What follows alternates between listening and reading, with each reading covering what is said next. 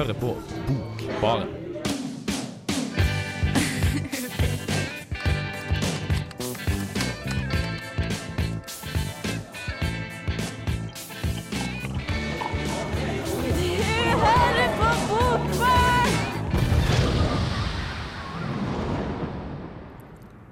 Det var en gang i et kongerike langt, langt borte, i en tid før Netflix og GTA5, et folk som underholdt hverandre med muntlige eventyr.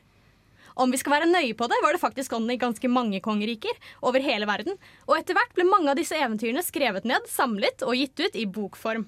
I kveld har vi med oss et knippe av disse eventyrene, presentert av et smekkfullt studio. Jeg heter Maren, og med meg i dag har jeg Vida, Ingrid, Kristoffer, Eline og spesiell gjest fra Filmofil, Kristine. Og da har vi tenkt å ta en runde. Vida, hva har du tenkt å snakke om Ja. i dag? Eh, Jeg har faktisk lurt dere, og så har jeg ikke tatt med et eventyr, men en fabel. Eh, Og det er av den mest kjente fabelisten av dem alle, Esop. Lille rebell der, altså. Ingrid, har du med et eventyr, eller har du også Jeg skal ta for meg norske folkeeventyr, jeg. Se der, ja. Og Eline, hvis du finner en mikrofon. Ja, hei. Der var jeg. Eh, tusen og en natt har jeg. Fint. Og Kristine, hei! Ja, hei. Jeg skal da selvfølgelig snakke om uh, filmer basert på eventyr. Det gleder vi oss til. Og hei, borterste hjørne, Kristoffer, hva vil du snakke om i dag? Uh, japanske eventyr fra Japan. Jøss. Mm. Det er altså en uh, ganske spesiell og sammensatt sending i dag. Dere får ha hjertelig velkommen til en lenge etterlengtet eventyrsending i Bokbaren. Her har du We Are Twin med The Way We Touch. Du, hva er denne saken skal handle om, Ingrid? Denne saken skal handle om litt mitt forhold til eh, norske folkeeventyr, og litt, en liten presentasjon av hva det er, selv om det kanskje, som jeg sier i saken min, er ganske kjent for de fleste, for det er eh, noe som eh, man lærer om på skolen eller hører om fra sine besteforeldre, eller ja, de, det er de færreste Norske folkeeventyr går de færreste hus forbi, altså. Det er noe som man får høre om i løpet av livet. Hva er det som har fått deg til å velge å snakke om det enda det er noe mange kan noe om? Er det noe spesielt du liker godt med norske eventyr, eller? Jeg syns det er mye morsomt og mye forskjellig som eh, er der, og jeg har jo blitt fortalt eh, eventyrene. Moren min eh, er veldig, veldig fan av norske eventyr, så hun holder alltid fast på dem og mener at fortsatt så har vi som voksne mennesker da, noe å lære av eventyrene, og vi må ikke glemme dem selv om vi slutter å være barn. Og hun, hun og mange andre da, er veldig gode til å fortelle eventyrene, så jeg, setter utrolig pris på den derre sette seg ned og virkelig høre et eventyr fortalt av noen som greier å fortelle på en engasjerende måte, som man virkelig lever seg inn i, inn i eventyrene. Da. Ja, for det skjer jo på en måte ikke så ofte lenger at um, noen forteller et eventyr. eh, Ikke, I hvert fall ikke helt fritt etter hukommelsen, det er i hvert fall en bok, men helst så skal man jo eh, lese selv eller se på TV eller Ja, ikke sant. Og nå er det jo samla inn, og takket være Asbjørnsen Moe for det, det er ikke det jeg sier, men eh, det er liksom en kunst å kunne noe uten at det forteller en god historie. Det syns jeg er en eh, egenskap, en evne som eh, jeg syns vi burde eh, vedlikeholde, da. For jeg føler at det er så ofte i samfunnet nå, så er det liksom man overhører samtaler på, på bussen, og der han sa, hun sa, det er liksom utrolig ba bare jeg føler at den evnen til å fortelle en historie på en god måte og legge vekt på de riktige detaljene og de riktige beskrivelsene er liksom litt forsvunnet. da. Jeg føler at det er, ja, det syns jeg er så synd, for den, eh, den evnen syns jeg vi skal ta vare på. En god oppfordring fra Ingrid der. Og da skal vi høre på saken hennes på nytt igjen, på et vis, eh, nå. Norske folkeeventyr som ukjent fenomen er en sjelden sak i det ganske land. Som obligatorisk post på kalenderen i barnehager og skoler over hele landet skal det godt gjøres å være helt blank på området. I likhet med grunnleggende ferdigheter innenfor matematikk, språk, demokrati og sosiale normer troner eventyrene høyt. Som en muntlig overlevert tradisjon gir de oss en unik innsikt i den norske folkesjela. Eventyrene er ordentlig viktige. Verdien av normene de formidler, blir en sentral del i barnets første møte med ugrei oppførsel. Men siden så forsvinner de litt for oss. Kan det være riktig at eventyrene ikke har noen betydning for eldre aldersgrupper? Eventyr er en fortellertradisjon med lange røtter. Dette var en arena hvor fortelleren kunne slå seg løs og skape sin egen forestilling tilpasset sitt publikum. Med omtrentlig 300 grunnformer har vi i dag 3000-4000 separate eventyr. Til tross for typiske trekk ved form og innhold, bedre kjent som eventyrtrekk, er det stor variasjon innenfor sjangeren. Da Peter Kristen Asbjørnsen og Jørgen Moe omsider tok fatt på oppgaven om å samle inn eventyrene, var nysgjerrigheten ledende drivkraft. Med bakgrunn i henholdsvis biologi og teologi stilte de spørsmålstegn ved menneskets eksistens og ikke minst oppførsel her på jorda. Og hva kunne vel være mer tiltalende enn, ja, akkurat eventyr? Dette resulterte i to samlinger, i 1841 og 1852. I en tid der dansk var eneste skriftspråk, var eventyrene et viktig bidrag til det særnorske. De viste hvordan folk egentlig snakket. Eventyrene var en viktig del av nasjonsbyggingen i Norge. Den vakre naturen, de hardt arbeidende, fattige menneskene med kloke ord, lure påfunn og gode hjerter viste fram det beste vi hadde å by på.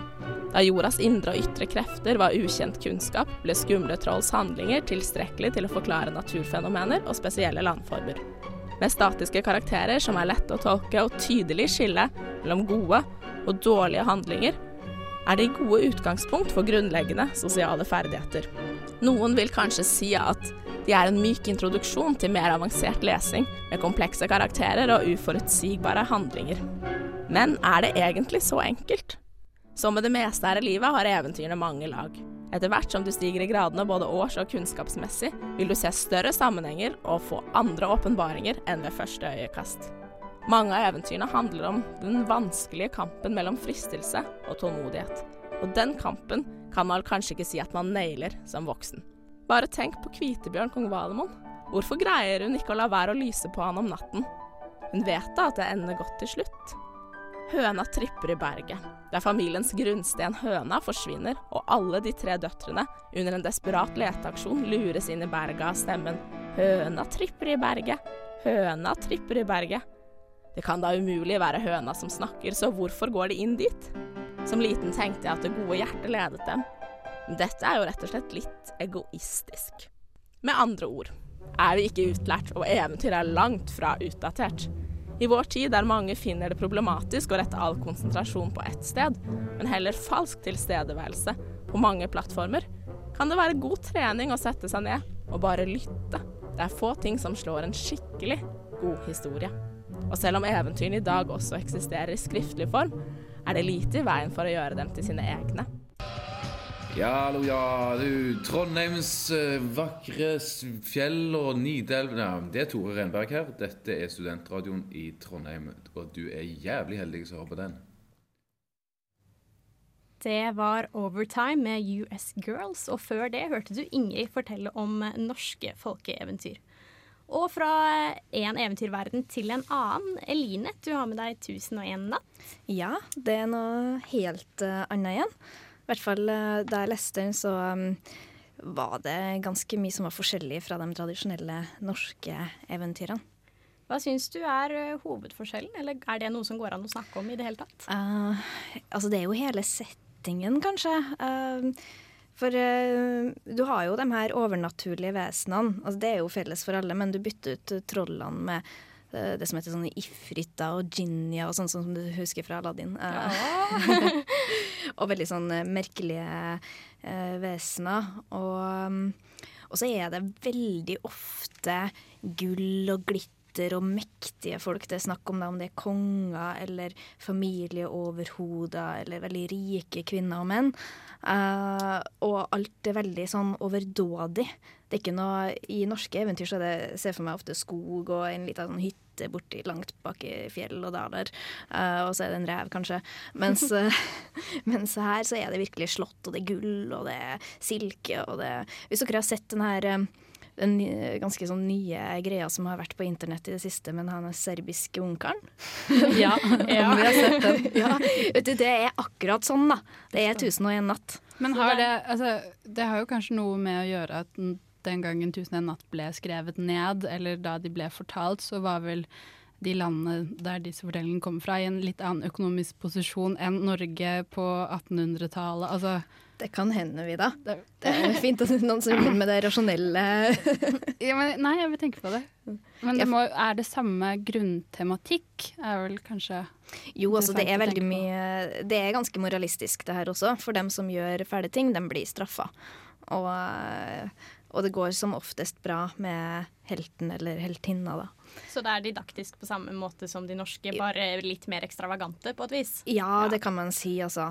Uh, også i språket, men det er litt sånn forvirrende og litt vanskelig egentlig å vite uh, og være helt sikker på det. For at uh, opprinnelig så skulle språket være på veldig sånn folk, i en folkelig tone, da. de kalte det for vulgært egyptisk.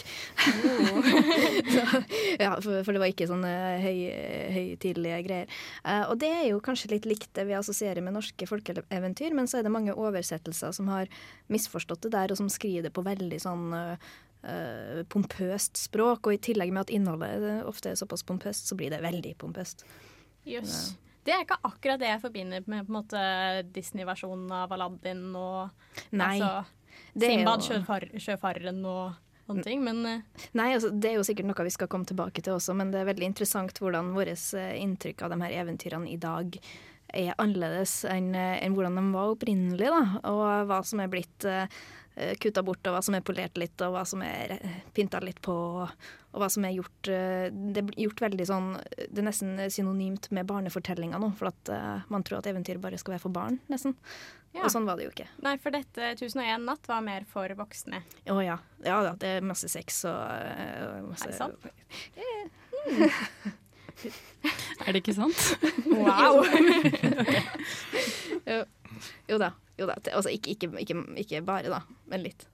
Det er det. Nok, altså, jeg, jeg har jo et utdrag eh, Men det, det, er veldig sånn overfladisk, på en måte. De, de, de, det er ikke sånn at de gjør en big deal ut av det. Eh, blant annet så står det The king did away with his uh, bride's maidenhead. Og så ble det, sovna dem. Did away. Ja. Eh, så, så, det er liksom bare fort gjort. Ja, det er overlatt til fantasien der, altså. Men, men likevel ikke helt Disney. Nei, nei, det kan man si. Men da kanskje vi bare rett og slett skal høre på reportasjen.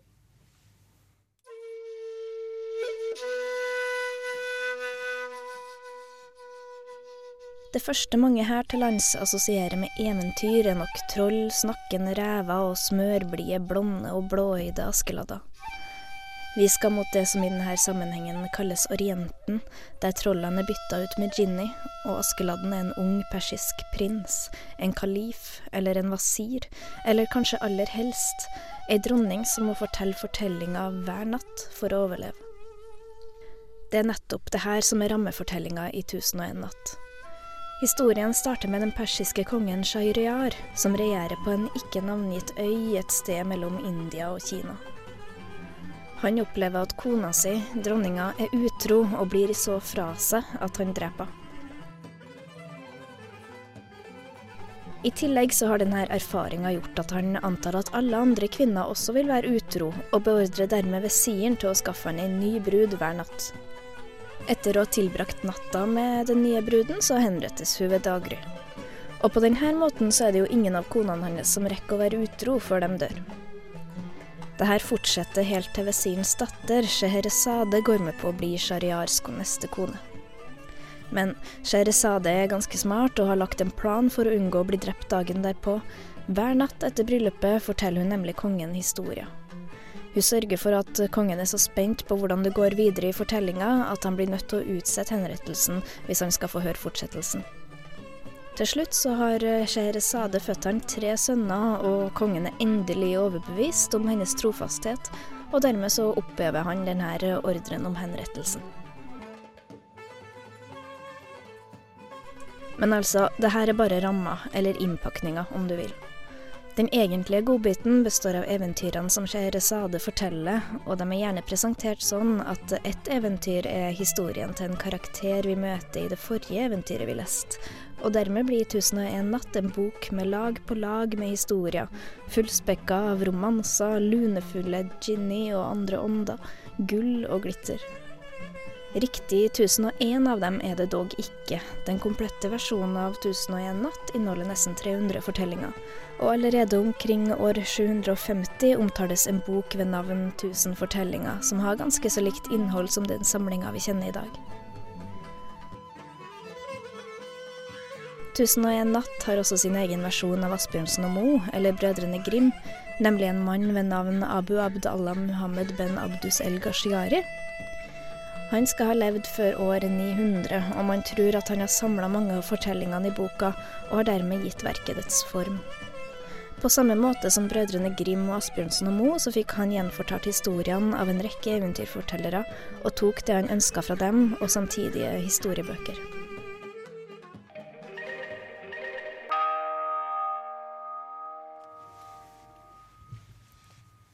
Du hørte Naomi Pilgrim med No Gun.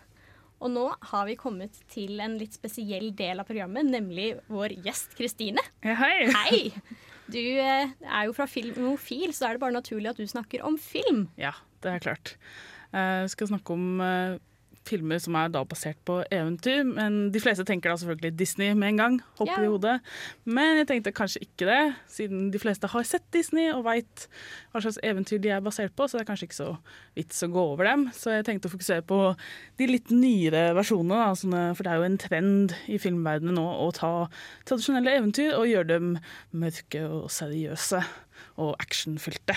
Det er ganske kult. Ja, du skulle tro at det ville vært kult uansett. Men det blir ofte ikke det, eller?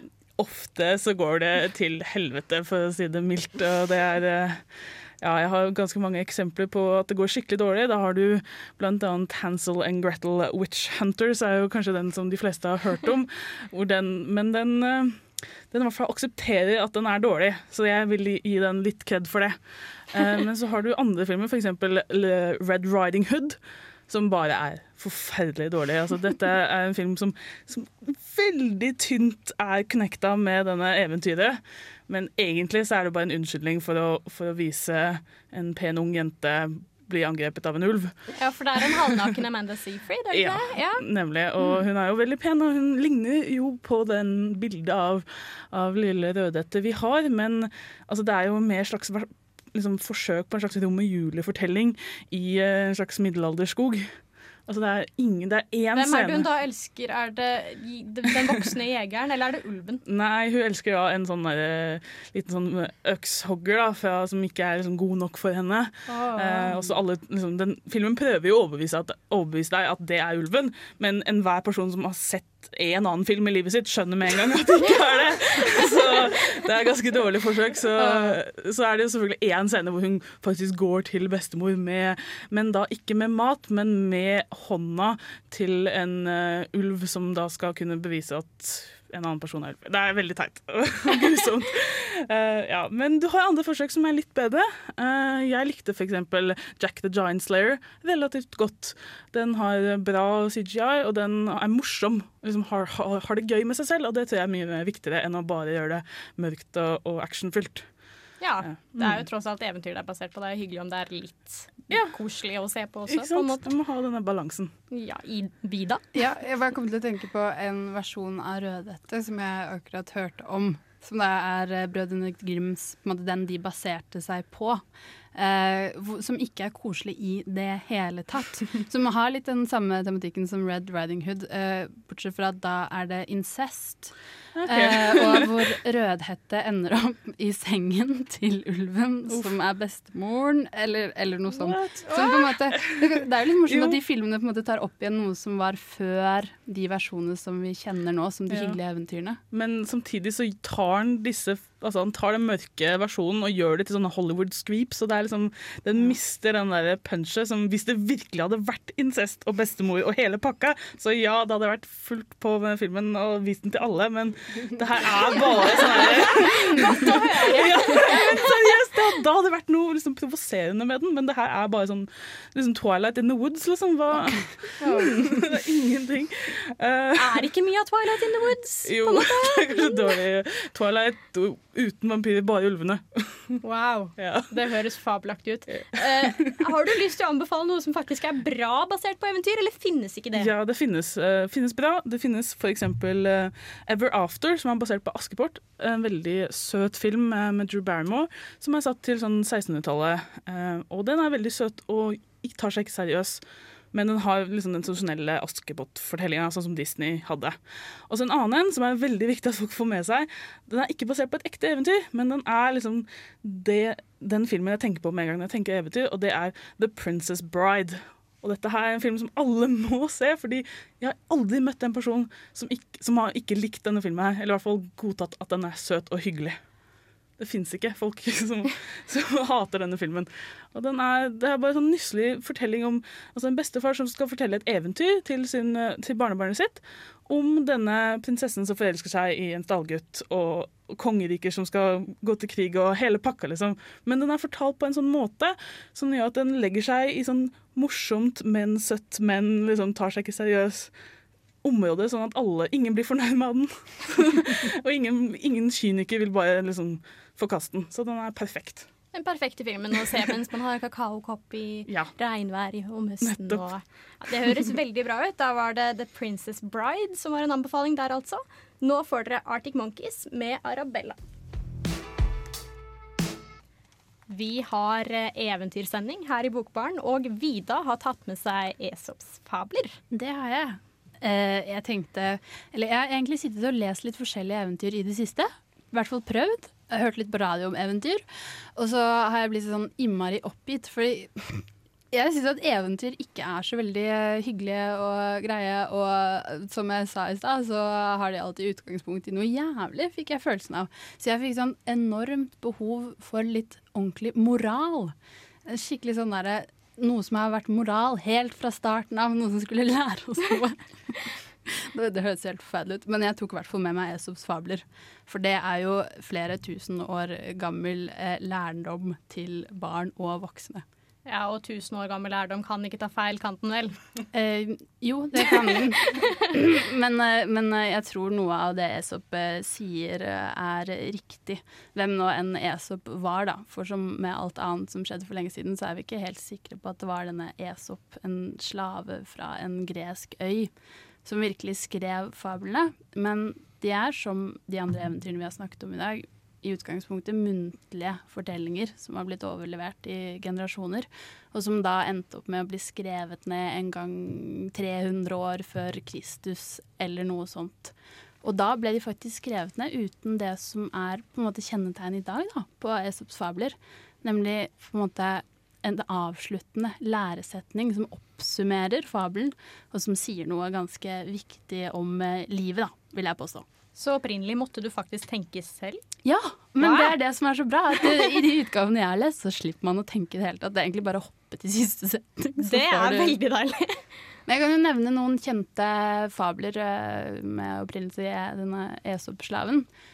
For eksempel så er fortellingen om gutten som ropte ulv opprinnelig en fabel. Og reven og rognebærene, eller reven og druene, høyt henger de og sure er de, som også er et kjent uttrykk. Mm. Haren og skilpadden, solen og vinden. Sånne fortellinger som på en måte er med oss.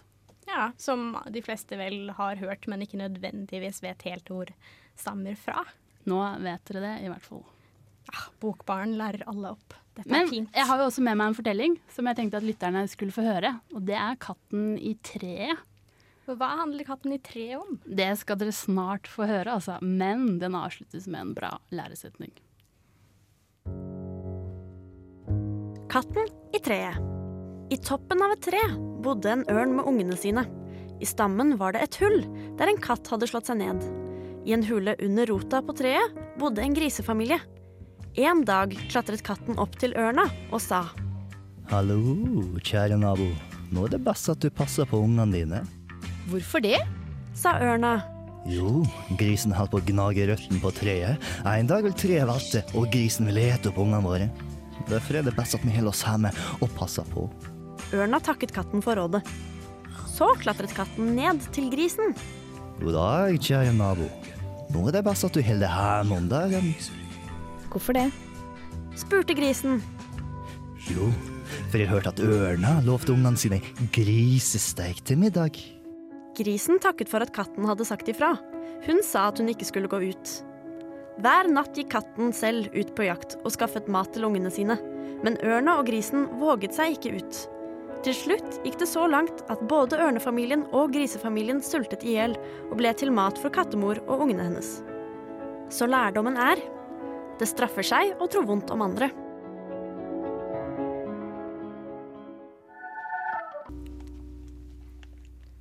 Der hørte dere saken om katten i tre, som er en av Asops eh, fabler. Og etter det fikk dere høre låten 'Turn Around' med Sassy Beat. Og vi eh, går videre til en helt annen del av verden. Og Kristoffer, du har tatt med japanske eventyr. Mm, jeg står for den orientals, orientelske delen av programmet. Nei da. Eh, Bortsett fra Aline. Den trønderske orient... Ja, i hvert fall. Jeg har med en eh, liten ros. Trøndersk-orientalsk eventyr. Det finnes mange av dem. Eline, hvor kommer du fra? Eline Elina er også trønder, selv om hun ikke har på seg Ja, rutete skjorte. jeg det vi hadde felles.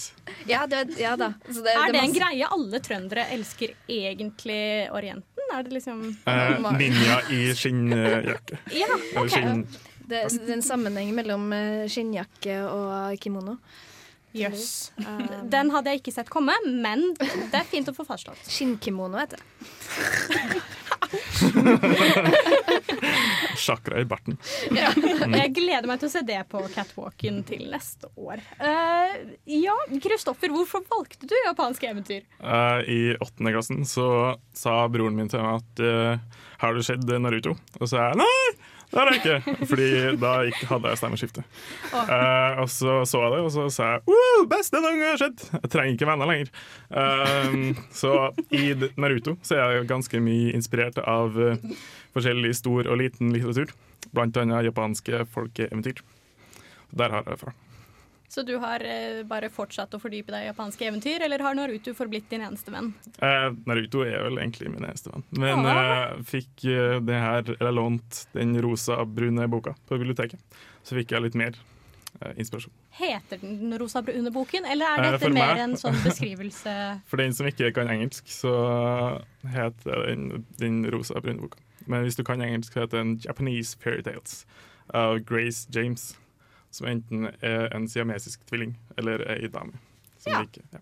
Ja, men Det var kjekt å få én boktittel i dagens utgave av Bokbarn. Det er fint. Mm. Eh, og hva synes du om de eventyrene? Sto de opp til eh, forventningene etter eh, forrige luksusopplevelse? Det var veldig, veldig små eh, fortellinger. Det syns jeg var greit. Jeg bare leste fem eh, sider, og så er jeg ferdig. Det er veldig godt. Men uh, jeg er veldig litt som når eh, små jenter skal fortelle historie. Sånn vi var på biltur, og så var det sol, og så var det skyer, og så kom det et drage! Og så hadde jeg sex med mora mi, og så ble den født. Hvilke små jenter har du møtt?! bare de sånne rare. Også, Bare de som har incestopplevelser med drager. med drager? Mm. OK. Ja. Men uh, siden vi begge har om Orienten i dag, da. Uh, hva er det, hvis du fulgte med på hva jeg snakka om, som du kanskje, kanskje ikke har gjort, uh, så er det, er det noe som skiller denne, denne japanske eventyrene ut? Hva er, det, er det noe som er spesielt med dem som en ikke finner andre steder? bygger jo på en del japanske, japanske samfunn, På en måte. Det, er for at det ble vel fortalt muntlig. Det ble vel ikke 1001 historie. Eh, jo eh, Litt begge deler, tror jeg, faktisk. Det var, ja. Mm. For det, det er jo faktisk en interessant felde, et interessant fellestrekk da, med uh, mye av det som vi har tatt med, eller alt, utenom filmene, uh, som vi har snakka om i dag. At uh, vi har Esops fabler, og så har vi Asbjørnsen og Mo, og så er det, er det en person som har samla de her japanske eventyrene også. plutselig har stjålet to fra to medkollegaer. Eller Ja. hun kjenner.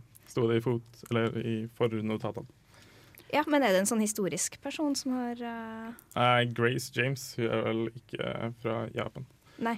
Nei, ok, så da er kanskje ikke der, men i hvert fall med de her um, fra 1001 natt, så har du jo godeste Abu Abdallah Muhammed Ben Abdus El Gashigari. Som Nå kan jeg puste igjen.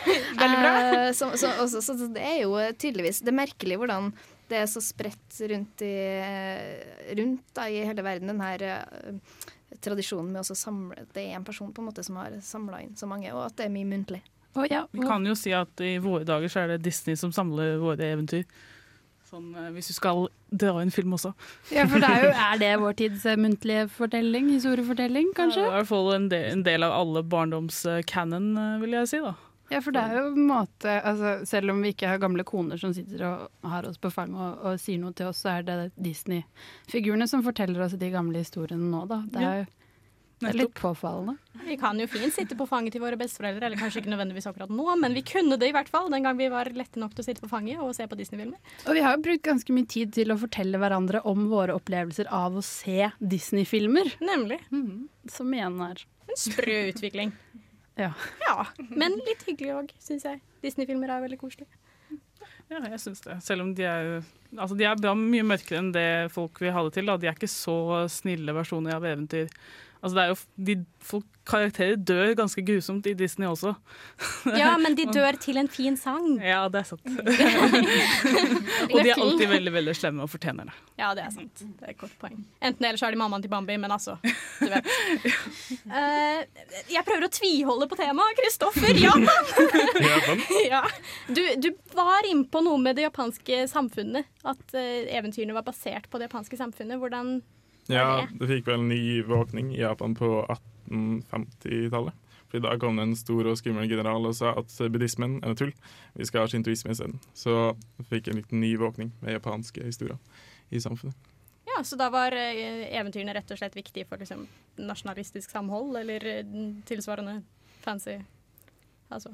Ja. ja. Fint! Skal vi rett og slett høre på reportasjen din? Ja takk. Ja hvor gjemmer slitne samuraier og triste geisaer seg når de ikke vil være med andre? Jo, da drar de til japanske eventyr. Har det noen gang vært en mystisk og forutsigbar verden, blitt lerretet for japansk historie og samfunn? He awoke at midnight and fell to looking at a kettle by the bright light of the moon. Presently it moved, though there was no hand near it. Strange, said the thinker. But he was a man who took things as they came. A hairy head with two bright eyes looked out of the kettle's spout. The lid jumped up and down. Four brown and hairy pawns appeared, and a fine, bushy tail. It came quite close to the tinker and laid a paw upon him. Well, says the tinker. I'm not wicked, says the tea kettle. No, the tinker. But I like to be well treated.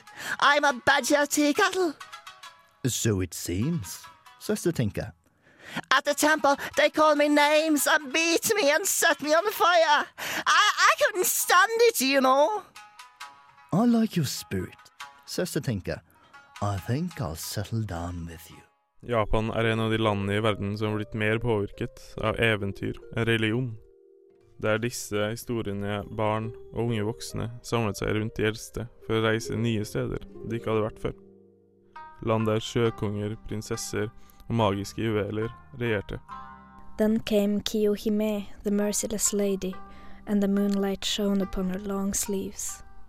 She did not sigh, nor cry, nor call upon her love. She stood still for a little space and smiled. Then lightly she sprang to the top of the great bronze bell of Dujuri, and with her sharp teeth she bit through the ropes that held it, so that the bell came to the ground and the monk was a prisoner. Mye av landet der solen står opp, er falt over til vestlig konsumerisme. Men det finnes lite McDonald's og Coca-Cola i eventyrene. Selv om det ikke gir så mye mening til utenforstående som meg, så har det mye av den sjarmen gamle Japan er kjent for. And Kiyohime embraced the bell with her arms. She crept about it, she crawled about it, and her green robe flowed over it. Her green robe glittered with a thousand golden scales. Long flames burst from her lips and from her eyes. A huge and fearsome dragon. She wound and coiled herself about the bell of Jujuji. With her dragon's tail she lashed the bell, and lashed it till its bronze was red hot. En gang skal Albert Einstein ha sagt If you want your children to be intelligent, read them fairy tales. If you want them to be more intelligent, read them more fairy tales. Les japanske eventyr også, så blir de rare i samme slengen. Japanske eventyr der, altså. Men det er ikke alt vi har snakket om i dag. Vi har snakket om ganske mange forskjellige eventyr fra ganske mange forskjellige steder. Eh, starter med deg, Vida. Ja, jeg var i Hellas, i antikken, og hadde med meg Esops eh, fabler, eller Æsop, som du så fint sa. Ja, jeg merket det jeg sa det, og bare Åh, jeg håper ikke at vi har lyttere. Og jeg tenkte faen, har jeg sagt feil? Eh, Åh, se på det! det er tilbake til bøker og skriften og hvordan man uttaler ting. Det er egentlig ikke så farlig, eh, for jeg snakket jo om fortellingene til Æsop. Eh, som har en eh, moral som eh, vi kan lære noe av også i dag. Eh, litt tvilsomt om det brukes veldig mye i barneoppdragelse. Men jeg, har, jeg husker jo at jeg ble fortalt disse fortellingene på skolen, f.eks. Altså, det er jo noe som noen syns er lurt å introdusere til unger fortsatt. Så derfor syns jeg det er morsomt å ha det med i dag i denne eventyrsendingen, selv om det strengt tatt var fabler, da. Det er jo mye hyggeligere å lære barn om hvordan de skal oppføre seg ved hjelp av små, søte dyr som gjør teite ting. Det er også en morsom ting, kan jeg si det, om dyrene. Altså, her, det er jo dyr som snakker, ikke sant. Eh, og det er jo et litterært grep som er brukt veldig mye siden, men som er um, Kanskje var litt dristig, da. Og, og, kanskje det er lettere å la dyr fortelle og gjøre sånne forferdelige ting. Sånn at det har, uh, kan fortelles til barn. Enn uh, på samme måte som Disney bruker tegneseriefigurer til å gjøre jævlige ting, så, så er det da dyrene som gjør de forferdelige tingene her, istedenfor at det skulle vært mennesker. For det hadde jo absolutt ikke vært barnevennlig. Det er sant. I tillegg til at det blir jo veldig mye tydeligere det øyeblikket du har et dyr, fordi du kan på en måte se karaktertrekket på dyret med en gang. Altså Har du en rev, så har du med en slu jæveløre, liksom. Mm. Uh, sånn at uh, jeg er litt trist for at katten kommer så dårlig ut av denne historien din. Ja, jeg er helt enig. Men jeg, jeg, jeg tenkte hele tiden at det var en rev, men det kan hende at originalt, altså i utgangspunktet var en rev. Vi går for det. Ja, la oss gjøre det. Og Ingrid, hva har du hatt med deg? Jeg har hatt med meg norske folkeeventyr. Det har jeg. Uh, og jeg er bare veldig opptatt av det at man skal ikke undervurdere eventyrene bare som noe sånn man gjorde, eller hørte i barnehagen. Man skal virkelig se på det med en gang til og tenke litt over. For de forteller mye om uh, hvordan det norske samfunnet var en gang, og ja, gir oss et inntrykk av, uh, av mye forskjellig. Og det er veldig gøy å, å lese på nytt igjen, fordi det er jo som med så mye annet at det er mange lag her, og mye humor og mange beskrivelser som uh, som jeg ikke tenkte så mye over da jeg var liten, men som faktisk er ganske morsomme nå. Så du slår et slag for å lære deg ting utenat og resitere dem for din likesinnede? Ja, i hvert fall. Også bare tenke på den gode historie. Det å fortelle til andre er uh, Fortellertradisjonen må vi ikke la forsvinne. Den, uh, det er viktig altså, å sette seg ned og virkelig lytte til andres gode historier. Eller dine egne. Fortelle dem på en god måte. Det er så interessant å høre på en person som virkelig lever seg inn i noe. Det er ikke bare halvveis et like på Facebook. Stemmer. Åh, og Eline, dine tusen netter. Ja, arabiske netter. Eh, jeg syns det var veldig artig å kunne sette meg litt inn i det. For vi har jo med oss noen historier derfra som er veldig kjent for oss, egentlig. Altså, som Aladdin og Alibaba og røveren, røverne hans, og også Sinbad, sjøfareren. Jeg husker da jeg var lita, så gikk det en sånn serie på TV-en som var kjempespennende. Og det var nesten så jeg ikke fikk lov til å se på det, for det var, det var så mye crazy som skjedde. Uh, jeg tror ikke noen skal finne på å se den den dag i dag, fordi det er tror, en tenker og billig serie, tror jeg, eh, egentlig. Så man må se dem som barn. Ja, og det er jo et fint stikkord til deg, serier, for du har jo snakket om film, Kristine. Ja, jeg eh, bare slengte ut den uh, viktigste delen av mitt var at folk må se The Princess Bride. For det er, det er helt latterlig at folk ikke har sett den filmen. Det er pålagt. Den er kjempesøt, og det er som sagt ingen som ikke kan i hvert fall like den. Princess Bride der, altså. Og Kristoffer, dine siste ord? Japanske eventyr.